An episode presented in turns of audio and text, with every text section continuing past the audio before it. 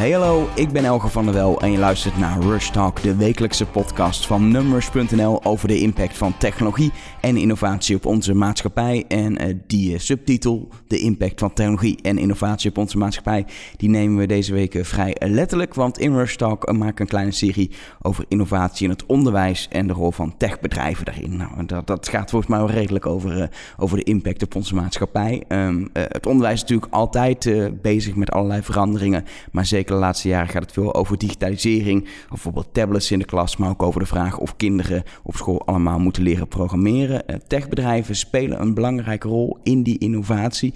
En welke rol precies en wat ze dan doen en waarom, uh, dat bespreek ik met de verschillende grote techbedrijven. Vorige week sprak ik al met, uh, met Google en deze week praat ik met Michiel Dijkman. Hij werkt bij Samsung. Hij is, zoals dat officieel heet, Head of Corporate Affairs voor Samsung in de Benelux. Hij is vanuit die functie al jaren heel druk bezig met innovatie in het onderwijs. En is onder andere verantwoordelijk voor de Smart Education Hubs die Samsung heeft. Wat dat precies zijn, gaat hij zo meteen zelf uitleggen. Maar als eerste vroeg ik hem, wat moeten kinderen anno 2017 nu eigenlijk leren op school? Nou, wij vinden het dus natuurlijk belangrijk dat er bepaalde basisvakken zijn, zoals taal en rekenen. En, uh, maar we zien ook wel dat de, de wereld om ons heen natuurlijk uh, heel hard aan het veranderen is. Uh, andere vaardigheden worden belangrijk. En dat wordt vaak, die, die 21-eeuwse vaardigheden worden daar vaak genoemd. Maar wat houdt dat nou in? Nou, als je hier bij, bijvoorbeeld bij Samsung werkt, is het belangrijk dat je creatief bent. Dat je ook wel ondernemerschap hebt, dat je kunt samenwerken. Uh, maar bijvoorbeeld op de afdeling marketing is het ook belangrijk dat jij een, een, filmpje kunt editen of een, een, webshop kunt bouwen. Of ja, toch kleine dingen kunt programmeren. Dus ook die vaardigheden, die digitale vaardigheden, worden steeds belangrijker voor de, ja, eigenlijk niet alleen voor de toekomst, maar ook eigenlijk voor nu al de mensen die afstuderen en de arbeidsmarkt opgaan. Ja, ja, digitale vaardigheden is een term die heel gauw, eh, als je kijkt naar het onderwijs tegenwoordig, die gauw zeg maar omhoog komt. Maar het is best wel een soort breed begrip waar iedereen volgens mij een beetje een soort van andere definitie van heeft. Sommige mensen zeggen ja, het gaat om programmeren, anderen zeggen het gaat veel meer om uh, bewust omgaan met bijvoorbeeld privacy op social media. Weet je, het is, het is ja. een heel brede, soort overkoepelende term. Uh, wat, wat, wat is jullie visie op wat het precies inhoudt? Nou, ik, ik denk dat je zeg maar meer de passieve vaardigheden hebt. En dat is inderdaad mediawijsheid. Hè? Hoe ga je, wat er gebruikt, iedereen maakt gebruik van tegenwoordig van uh, platformen als Facebook, LinkedIn, et cetera. Wat zet je er wel op, wat zet je er niet op? Uh, wat is uh, goed en wat is niet goed? Hè? Die ethiek, waar wij ook van vinden dat een docent daar zeker nog een hele belangrijke rol in speelt. Maar als je dadelijk bij een technologisch bedrijf gaat werken, en dat worden er ook steeds meer, of bij een zo'n innovatief bedrijfje, dat we vaak een start-up noemen, dan heb je toch ook die vaardigheden nodig die toch online plaatsvinden. Zoals ik net zei, hoe, hoe edit je een filmpje? Of hoe zet je een webshop op zodat mensen hem gaan bezoeken? Of uh, hoe programmeer je een robot? Nou, dat is natuurlijk, een robot programmeren is een stuk moeilijker dan een filmpje editen. Um, maar het is wel goed om bepaalde dingen alles een keer geroken te hebben als je op de basisschool zit of op de middelbare school. Ja, um, als we over dit soort onderwerpen praten, uh, uh, dan, dan zie je dat elk techbedrijf, of misschien, ja, ik weet niet, jullie zien jezelf, denk meer als elektronica bedrijf, maar, maar bedrijven ermee bezig zijn. En dan vallen altijd dezelfde namen. Het gaat het om, om, om, Apple, die natuurlijk dingen doet en heel erg hun computers ook probeert de scholen in te krijgen en, en iPads. Dan, dan gaat het heel gauw over, over bijvoorbeeld een bedrijf als Google, dat heel erg bezig is om programmeren te simuleren. Microsoft, een beetje hetzelfde verhaal. Samsung hoor je mensen niet zo gauw zeggen. Jullie doen heel veel. Hoe, hoe komt het dat, dat mensen Samsung niet zo snel associëren met, met, met onderwijs? Nou, ik denk dat dat uh, vooral ermee te maken heeft dat uh, we natuurlijk in West-Europa wonen. En wij vaak kijken, toch vaker kijken naar Amerika dan naar Azië. Uh, ik denk dat als je in Azië bent, dat wel de kranten vol staan met Samsungs en de, en, en de, de conculega's van Samsung. Um, dus, dus, dat is één. Het heeft ook met cultuur te maken. En twee is het zo dat, uh, ja, dat Samsung de afgelopen jaren wel steeds meer die rol op zich is gaan nemen. Vroeger had je natuurlijk Philips, had je Sony, die veel meer uh, marktleider waren. Nu is Samsung eigenlijk een aantal jaren marktleider in de elektronica-markt. En zijn wij ook extra gaan inzetten op die maatschappelijke activiteiten, zoals in het onderwijs, zoals de aansluiting op de arbeidsmarkt, maar ook gezondheidszorg en bijvoorbeeld toch milieu en omgeving. Ja, en, en, en waarom is het belangrijk voor een bedrijf als Samsung om daarin te investeren, om bezig te zijn met het onderwijs? Is dat puur, nou, daar is gewoon een markt, daar kunnen we, kunnen we geld uithalen? Ja, die, die, die, die vraag krijg ik natuurlijk heel vaak. Hè. Heel vaak is het van, ja, jullie willen graag uh, tablets uh, slijten in het onderwijs. Of jullie willen graag, uh, we hebben ook van die mooie beeldschermen, zoals hier achter ons hangt. Maar vanuit mijn perspectief, dus meer vanuit het corporate affairs perspectief, is het toch zo dat je wilt kijken van A, passieve mensen die meegaan met de tijd. Dus dat zijn de mensen inderdaad die ook over 20 jaar nog uh, dingen kopen, zoals een virtual reality bril of misschien een, lens waar je mee hetzelfde kunt als een smartphone. Maar ook actieve uh, mensen die dadelijk bij ons in dienst kunnen treden. Hè. Samsung heeft 500.000 medewerkers wereldwijd. Dus we hebben best wel af en toe vacature openstaan. Waar we toch deze mensen ook kunnen gebruiken. En dat is misschien niet direct altijd in Nederland. In Nederland zijn we natuurlijk maar met 500 man. Uh, maar wel een belangrijke speler. Maar wij, wij zien dit als een wereldwijd project en niet alleen als een lokaal project. Ja, we kunnen uren hierover verder praten. Maar mensen die luisteren zijn denk vooral benieuwd naar wat doet Samsung dan? Ja, wat doen we, wat doen we concreet? ja, en wat doen, wat we, doen jullie concreet? Doen... Want je, uh, um, uh, overkoepelende naam daarvoor is de Smart Education Hub, toch? Ja, als je kijkt naar het funderend onderwijs, zoals dat zo heet. Hè, dus primair en secundair onderwijs. Dus de basisschool, middelbare school. Ja, basisschool, middelbare school dan zijn we vooral inderdaad uh, actief onder de naam van de Smart Education Hub programma, noem ik het eventjes. En dat bestaat eigenlijk uit drie onderdelen. Nou, dat is aan de ene kant wel dat proeflokaal, hè, dus van hoe uh, je krijgt een aantal tablets, je krijgt uh, digitaal lesmateriaal van de, van de grote uitgeverijen, maar ook van een aantal startups. We werken samen met een programmeer startup van de Universiteit van Delft. Nou, dat is meer het proeflokaal. Maar waar we de laatste tijd, en zeker in Benelux, heel erg op focussen, is uh, juist het feit dat we die leraar willen meekrijgen. Dus ook het bijscholen van leraren. Dat is twee. En drie is eigenlijk uh, dat leraren die al bijgeschoold zijn ook kennis met elkaar delen. En, en dat is volgens mij wel een heel lastig punt. Uh, want de, de mensen die lesgeven zijn geen digital natives, zijn vaak niet opgegroeid met internet. Um, uh, um, dat zit niet altijd in hun DNA. En dat is ook wel eens kritiek die je hoort. Van ja, de kinderen moeten dat soort dingen leren. Misschien een keer leren programmeren van mensen die er helemaal geen kaas van hebben gegeten. En ja. misschien ook helemaal niet zo geïnteresseerd in zijn.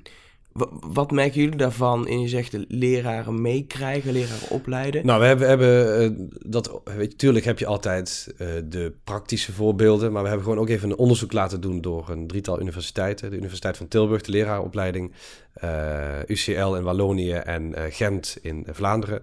En het blijkt gelukkig dat het zo is dat er vijf, er zijn vijf lerarentypen en dat is de, de traditionele Trudy, uh, de, de argwanende Anja.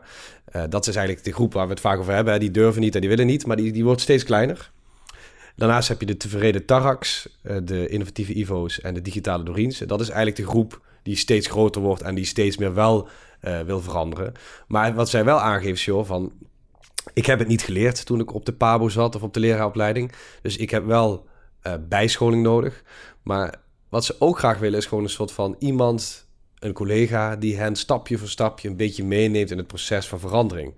En wat natuurlijk vaak bij uh, ons als technologiebedrijven is dat wij meteen uh, alleen maar aan die innovatieve Ivo denken, die uh, meteen van vandaag op morgen bezig is met programmeren en dat soort dingen. Maar soms is het ook als een keer loslaten van het feit dat je een instructie geeft voor de klas. En daarna uh, een opdrachtje geeft.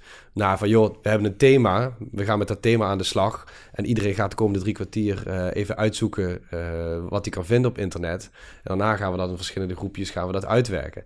Weet je, dat, is al, dat heeft veel minder te maken met digitale vaardigheden. Dat heeft meer te maken met hoe zet ik mijn les op. Ook dat is uiteindelijk innovatie in het onderwijs. Alleen ja. veel minder technologisch gedreven.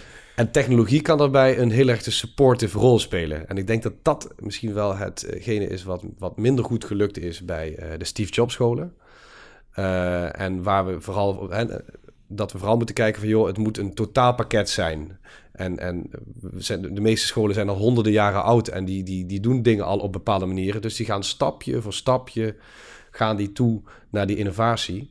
En dan krijg je de leraar wel mee. Dat is in ieder geval wat wij ervaren. Want jij zegt, het, Steve Jobs scholen, je bedoelt gewoon scholen waar, je, waar, waar zeg maar een, een, vrachtwagen tablets naar binnen is gereden. En is ja, in ieder geval dat, succes. dat concept waar nu uh, toch wel wat, uh, wat vragen over gesteld zijn. Uh, kijk, er is altijd, iemand moet de innovativiteit brengen, hè? iemand moet, moet het doorbreken. Dus ik denk dat dat heel goed is. Maar we moeten nu kijken naar een soort van consensus waarin we het onderwijs ook op grote schaal in Nederland in ieder geval kunnen laten aansluiten op wat er nodig is als je dadelijk als jonge burger op de arbeidsmarkt komt, maar ook gewoon in het sociale leven staat. Ja, wat doen jullie concreet uh, om, om, om leraren daarin te ondersteunen, te scholen, et cetera? Ja. We hebben dus uh, op dit moment een achttal scholenstichtingen waar we mee samenwerken. Dat is wat ik net vertelde, waar, dan ook, waar we ook die bijscholing aanbieden. Dat doen we via de stichting Innofun. Dat is een gespecialiseerde stichting die bijscholing doet en niet eenmalig, maar gewoon echt gedurende drie jaar worden ze meegenomen. Nou, dat, daar zijn we een aantal jaren mee eh, geleden mee begonnen. Maar nu zijn we echt al bezig met gewoon evenementen organiseren of, of activiteiten waarin leraren ook uh, die ja, inspiratie met elkaar delen. Bijvoorbeeld een aantal weken geleden waren hier een vijftigtal basisschooldirecteuren. En die wilden niet zozeer onze visie op het onderwijs horen, maar die wilden meer weten van hoe doe jij nou je HR-beleid, Samsung, wat kunnen wij daarvan leren? En ik weet dat ze dat ook bij de buren hier bij Microsoft uh, hebben gedaan en bij IBM. Dus het is ook van wat kan het bedrijfsleven leren aan uh, het onderwijs en vice versa. En ook van het, het uh, wegnemen dat het onderwijs of dat het bedrijfsleven iets gevaarlijks is. Ja. Nou, dat is één. Twee, we hebben laatst uh, bij Beeld en Geluid, het uh, instituut in Hilversum, hebben we een grote dag georganiseerd. Waarin we uh, 150 leraren op bezoek hadden. Waarin we allemaal sprekers hebben uitgenodigd. Maar ook, dat, dat is altijd mooi, inspiratie. Maar ook aan het einde van de dag was er gewoon workshops. Ga met die tablet aan de slag. Maak een, een instructiefilmpje. Hoe moet je dat editen? Wat moet er wel en niet in zitten? En hoe zorg je ervoor dat leerlingen juist actiever worden en het leuker vinden om de les te volgen. En, en, en eh, die 150 leraren zijn allemaal van die, van die scholen, groepen, schoolstichtingen waar jullie mee samenwerken? Of hoe moet ik dat voor Niet, niet allemaal. Dus we hebben een aantal daarvan. En die, die, die geven dan meestal vaak eventjes ook het podium. Van vertel eens wat over wat je heb je de afgelopen drie jaar in je proces meegemaakt. Die zijn er. Maar er zijn ook gewoon 100 eh, tot 125 leraren uit de rest van het land die gewoon ja, van elkaar willen leren. En, en hoe, hoe, hoe bereik je die, zeg maar? Want het is natuurlijk, uh, jullie zijn Samsung hier in een heel mooi kantoorgebouw ergens uh, buiten Amsterdam bij Schiphol in de buurt. Dat is heel ver fysiek ook van, van die leraren. Die, die, hier kun je wel een brief sturen naar alle scholen, kom. Maar dan denken ze, ja, dat is een van een groot bedrijf die gewoon geld willen verdienen, zeg maar. Ja, klopt. Dat, dat idee bestaat heel vaak. En uh, nou, A, wat doe ik zelf en met mijn collega's? Nou, wij bezoeken heel veel scholen, gewoon uh, ik heb natuurlijk mijn commerciële collega, die, die bezoekt ze meer om, om commerciële redenen. Ik, zoek, ik, bezoek ze meer om te leren van hen. Maar we werken bijvoorbeeld ook samen met Platform Beta Techniek. Dat is een platform dat wel heel dicht bij de scholen staat. Nou, die hadden, met hen hebben we samen bijvoorbeeld die, dat werkbezoek hier georganiseerd. Nou, het Museum voor Beeld en Geluid is natuurlijk ook een, een partner waar heel veel scholen ieder jaar naartoe gaan als het gaat over uh, innovatie. Nou, daarmee hebben we samen die dag georganiseerd. Dus we proberen altijd partners te zoeken die, um, ja, die wel wat dichter bij het onderwijs staan. En die ons ook af en toe terugfluiten, weet je. Natuurlijk, wij zijn, we zijn een commercieel bedrijf. En um, af en toe is het ook belangrijk om te zien van... joh, de wijze zoals jullie denken is niet de wijze zoals het onderwijs denkt. En ik denk dat zo'n zo'n tussenpartijen daar heel belangrijk bij zijn. Ja, ja, dus eh, zonder die partners kun je het eigenlijk niet doen wat je, wat je wil bereiken. Nee, niet, niet op het niveau uh, dat je zegt dat je echt iets wil gaan veranderen. Nee, en, en, maar voor, als, ik, als we kijken naar de andere techbedrijven waarmee ik ook spreek, zie je eigenlijk steeds, het komt altijd weer terug op, op partners, zo'n stichting Beta Techniek, uh, ja. wat natuurlijk ook nobel werk doet. Maar je bent eigenlijk allemaal met dezelfde bezig, ook met dezelfde partijen. Ben je nog concurrent of ben je bezig met, natuurlijk je bent een verschillende bedrijven, maar ben je veel meer bezig met een soort gezamenlijk doel? Ja, ik denk als je naar het hogere doel kijkt, dus niet zozeer naar het commerciële doel van oké, we verkopen een uh, systeempje of een tabletje of een weet ik wat allemaal in, in een klaslokaal. Ja, dan zijn we toch bezig met ervoor te zorgen dat onze samenleving aansluit op die verandering die toch plaatsvindt. En ik denk, denk dat we daar ook uh, geregeld samenwerken. Bijvoorbeeld Codepact ken je wel. Nou, daar uh, zitten gewoon alle concurrenten bij elkaar, omdat, ja. omdat we dat toch belangrijk vinden.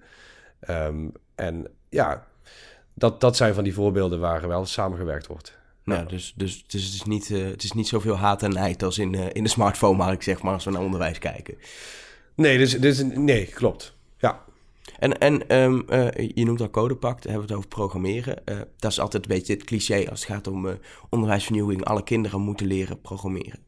Is dat zo? Moet elk, moet elk kind in onze maatschappij een programmeur zijn? Nee.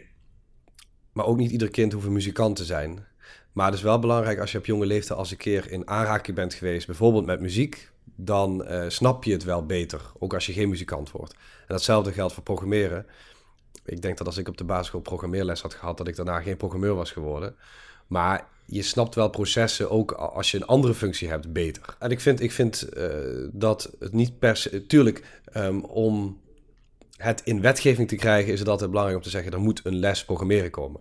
Maar eigenlijk, als je het uh, heel goed bekijkt, zou het veel beter zijn als het onderdeel wordt van wiskunde, natuurkunde, uh, techniekles. Of dat het ergens wordt ingevat. Ja, wetgeving vind ik een mooi punt. Dat is natuurlijk deels moet het van, uh, komt er heel veel nu van onderaf, uh, vanuit enthousiaste leraren, enthousiaste scholen. Ja. Uh, in, wat je zelf zegt, we werken actief gaan met een aantal scholen. Um, maar om het, om het onderdeel te maken van, van, van de opvoeding en de educatie van ieder kind in Nederland, moet het op een gegeven moment juist van boven komen. Dan moet de overheid zeggen, het wordt een verplicht vak om deze, deze vaardigheden te leren. Dat gaat voor mijn gevoel heel langzaam. Het lijkt wel of de, de markt de scholen zelf veel sneller gaan. Klopt dat? Ja, dat heeft natuurlijk mee te maken dat wij um, in Nederland, maar ook bijvoorbeeld in België is het zo dat uh, het ministerie niet kan voorschrijven wat, welke, ja, wat er gedaan wordt in een klaslokaal of op een school. Ze kunnen alleen maar voorschrijven wat een kind zou moeten kennen aan het einde van de rit. Um, dus dat betekent ook dat die, die terminologie die wordt gebruikt in zo'n wetgeving daardoor een stuk ja, vager is. En dat dus de uitvoering wel heel erg ligt bij, uh, bij scholen aan zich. Dan heb je natuurlijk wel weer uh, organisaties als de PO-raad of de VO-raad. Dat zijn de overkoepelende organen waar alle primair onderwijs en, en secundair onderwijsscholen lid van zijn. Maar ook daar zie je dat het nog moeilijk is om een bepaalde uh, richtlijn te geven. Dus ik denk dat het, dat het toch belangrijk is dat, ja, dat, dat we zoveel mogelijk leraren overtuigen. Want uiteindelijk die leraar staat voor de klas en die, die kan met die, leerlingen aan de slag. En uh, het is mooi als het in een wetgeving komt, maar dat betekent nog steeds niet dat het 100% gebeurt op een school. zijn jullie, zijn jullie wel bezig met, met inderdaad, ja, lobbywerk noem het maar, maar, maar met, met zo'n VL-raad praten of, of met, met, met het ministerie praten over hoe jullie er tegenaan kijken? Ja, ja, dus wij, wij, uh, wij spreken wel met, met, met het ministerie, met uh, de woordvoerders in de Tweede Kamer. Uh, die zijn ook verschillende zijn bij ons op bezoek geweest bij die Smart Education Hub over het hele land. Maar wij hebben niet een, een, ja, zoals dat zo mooi heet, een position statement dat heel concreet is. Maar wij zeggen, geven alleen maar aan van, joh, als bedrijfsleven vinden wij het wel belangrijk dat jongeren die nu op school zitten wel dadelijk aansluiten op wat wij zoeken, bijvoorbeeld voor de arbeidsmarkt, maar ook dat ze klaar zijn voor de veranderingen die gaan plaatsvinden. En daar is trouwens geen één ministerie of uh, woordvoerder het mee oneens. Het is alleen altijd de vraag hoe kunnen zij dat verpakken in uh, wetgeving. En dat, dat is, een lang, is een proces dat langer duurt dan, uh, dan het bedrijfsleven soms hoopt. Ja, um, Smart Education Hub, je noemt het al, daar nodig je ook mensen uit te zijn. Zijn er op dit moment vijf of zeven? Hoeveel zijn het in Nederland? We hebben, als je, het kijkt, als je gewoon kijkt naar het fysieke proeflokaal, zijn het er acht. Acht. Um, heb je het over uh, getrainde leraren, dan gaan wij niet alleen dat ene, die ene school trainen, maar dan bijvoorbeeld uh, in, in Hof van Twente, in het oosten van het land, uh, zijn er bijvoorbeeld 21 aangesloten scholen bij verschillende stichtingen. En uit iedere school wordt één ambassadeur die opgeleid wordt. Dus ook al hebben ze dus niet het product, hè, kunnen ze wel ook wel zeg maar zichzelf bijscholen. Ja, want uh, voor mijn beeld, als je een Smart Education Hub binnenkomt, dan, dan zie je Samsung schermen en Samsung tablets. Of hoe moet ik dat voor me zien? Nou, en, en dat, dat is altijd het moeilijke. Als je bijvoorbeeld ook de tv uitnodigt, dan willen ze altijd graag uh, schermen en, en tablets zien. Maar uiteindelijk onze focus ligt heel erg op de leerkrachten. Dus het bijscholen van leerkrachten. En dat is moeilijker in kaart te brengen. Want ik heb Omroep West langs gehad, we hebben TV Utrecht langs gehad. Maar bijscholing van leraar kun je in beeld brengen. Dat is een proces. En daarom daar gaan wij ook een, een, een samenwerkingsovereenkomst aan van drie jaar met een uh, stichting. Om ook te zien van wat wordt er bereikt. En worden er, wordt er, worden de veranderingen die ze hebben ingesteld uh, bereikt. En dat is voor scholen moeilijker dan, uh, dan je denkt. Weet je, in het bedrijfsleven heb je KPI's, zoals het zo mooi heet. Hè? Key Performance Indicators. Ik moet iedere, ieder kwartaal moet ik laten zien wat ik gedaan heb. Maar bij een school is dat niet zo. In ieder geval niet als je het hebt over onderwijsvernieuwing. En hoe ga je dat meetbaar maken? En daar proberen wij ze natuurlijk ook uh, bij te helpen. Ja, maar, maar die, die Smart Education Hubs hebben wel Samsung spullen. Ja. Of de, hardware, ja. zeg maar. Ja.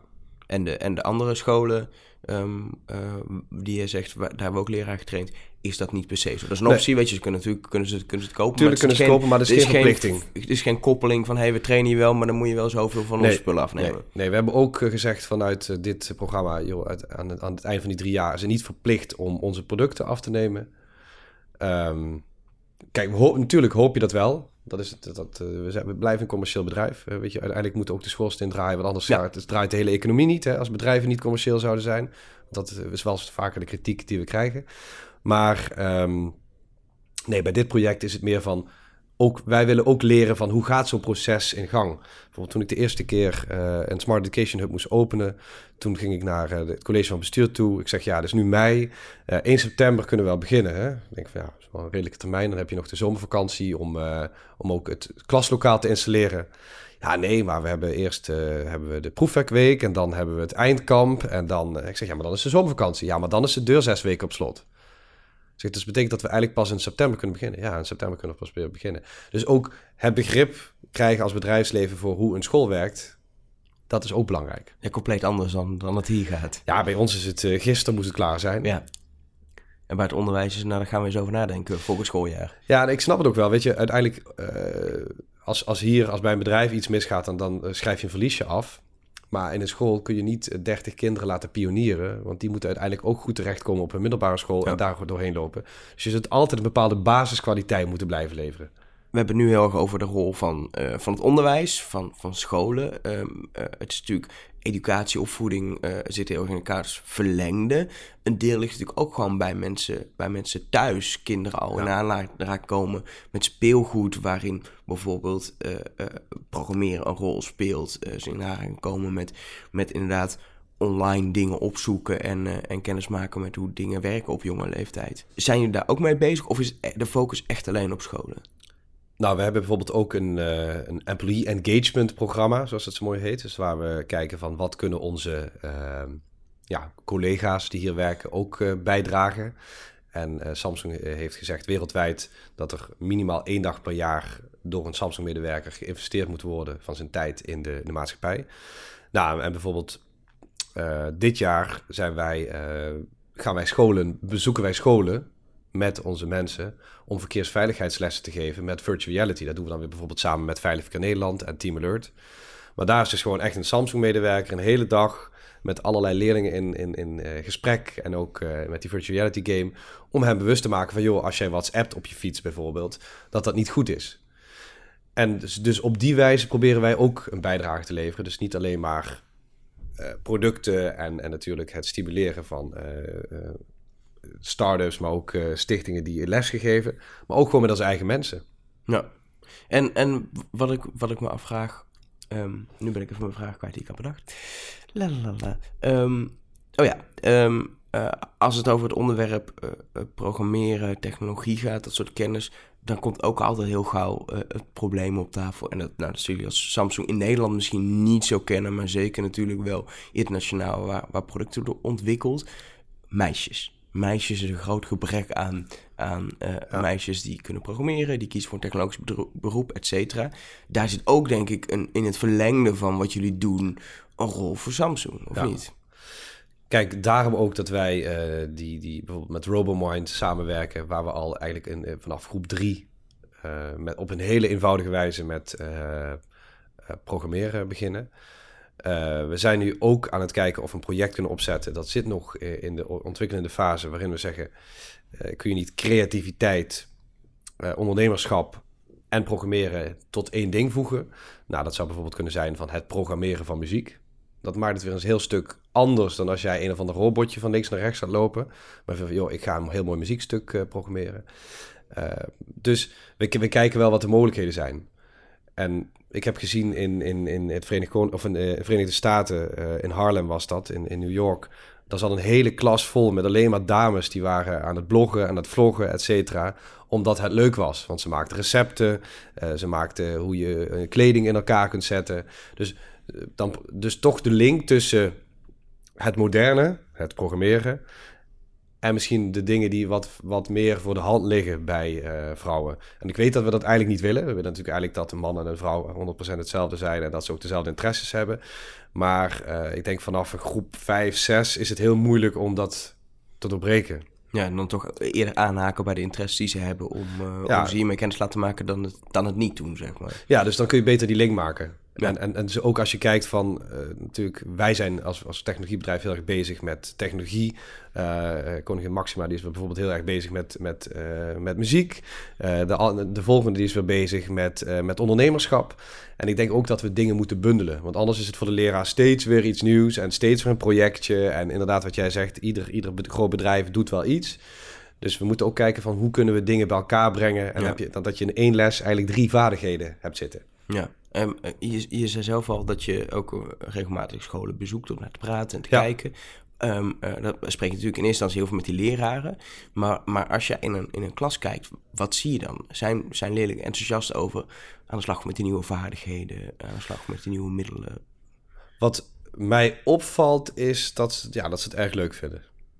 En ook dat, uh, dat het hen tot nieuwe inzichten brengt, dat ze makkelijker ja, een, een stapje extra willen gaan. Maar ik, ik ben wel van mening dat je ze niet 100% vrij kunt laten. En dat, dat zie ik op die scholen wel van, joh, we hebben bijvoorbeeld, uh, we gaan het vandaag hebben over uh, architectuur. Of deze week gaan we het over hebben. Nou, nou, dan zegt eentje, ik ben in Rome geweest. Die andere zegt van, joh, ik, uh, ik vind gotische stijl heel leuk. Ik zeg maar eventjes wat. En je geeft ze opdrachten. Maar wat ik wel van leraar hoor is na een uur... is het wel belangrijk om weer eventjes samen te komen en het, het, de zoektocht met de tablet even af te sluiten. Want ander, wat krijg je anders? Na een uur begint ook een beetje de concentratie minder te worden. Dan gaan we toch even lekker Facebooken, gaan we toch even YouTube-filmpjes kijken, et cetera, et cetera.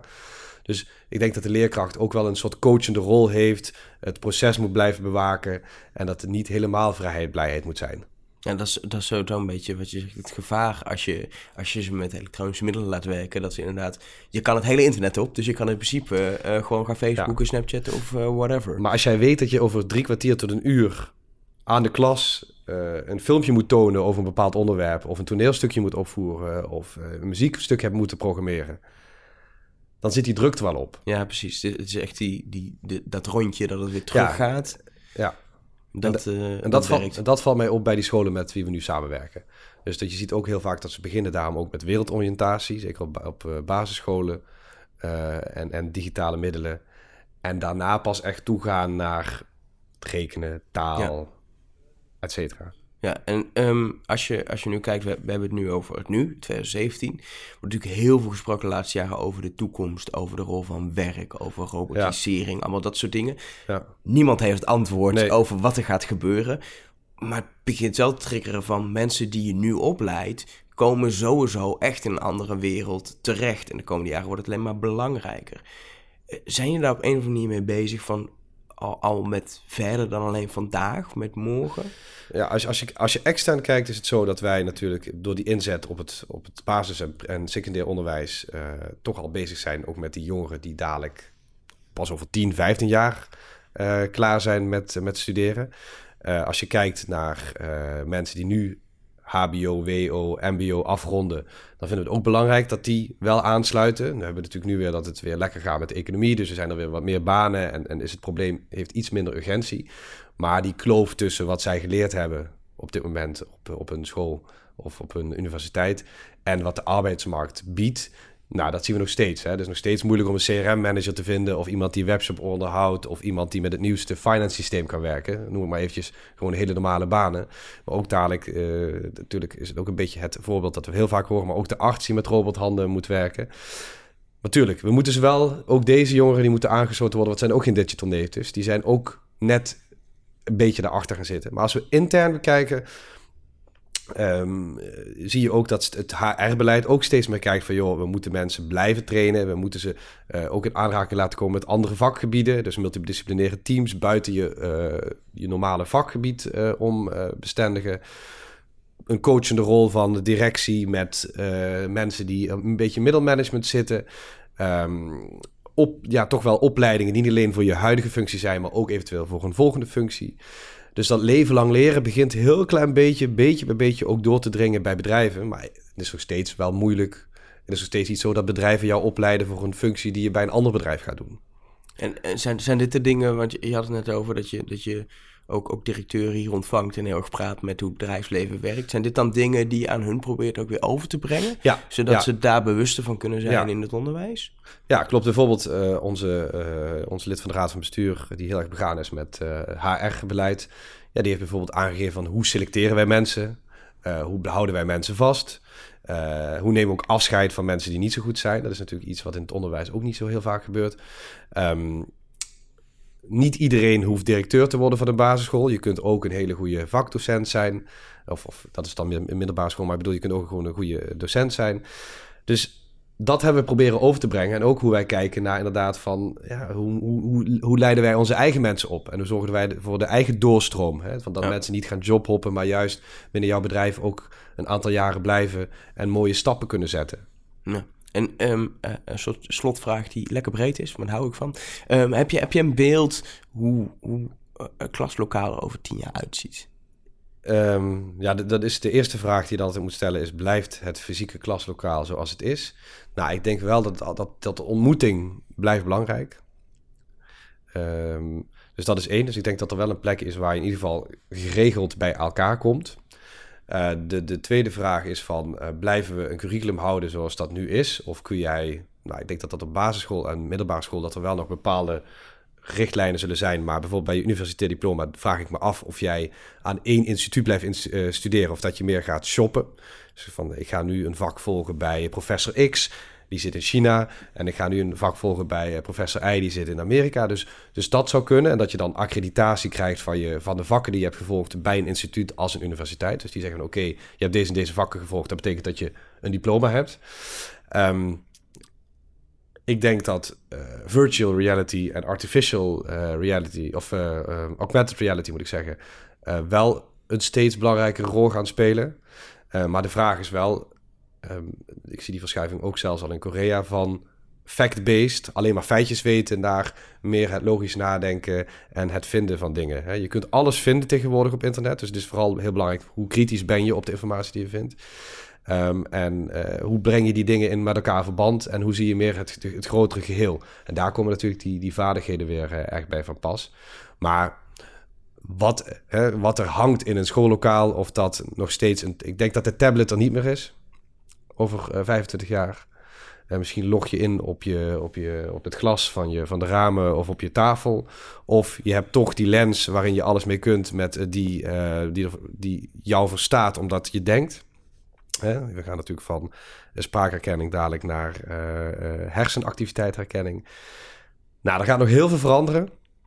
En ik denk het belangrijkste is niet zozeer dat we weten wat er gaat veranderen, maar dat we openstaan om die verandering te blijven volgen. En dat is eigenlijk ook meteen de aansluiting op ons hele eh, MVO-traject ervoor zorgen dat mensen die verandering blijven volgen en open zijn voor technologische vernieuwing. Nou, één ding is duidelijk, ik kan over een paar jaar gewoon weer met Michiel Dijkman gaan praten over uh, innovatie in het onderwijs. En er is waarschijnlijk nog veel meer gebeurd waar we dan weer over uh, kunnen praten. Maar voor nu heb ik volgens mij alles met hem besproken en maak dat een einde aan deze editie van Rush Talk. Volgende week onderbreken we deze serie even omdat Apple een of andere iPhone schijnt aan te kondigen. Daar gaan we het volgende week even over hebben in Rush Talk. En daarna gaan we weer verder met een serie over innovatie in het onderwijs met Microsoft. Volgende week dus weer een nieuwe Rush.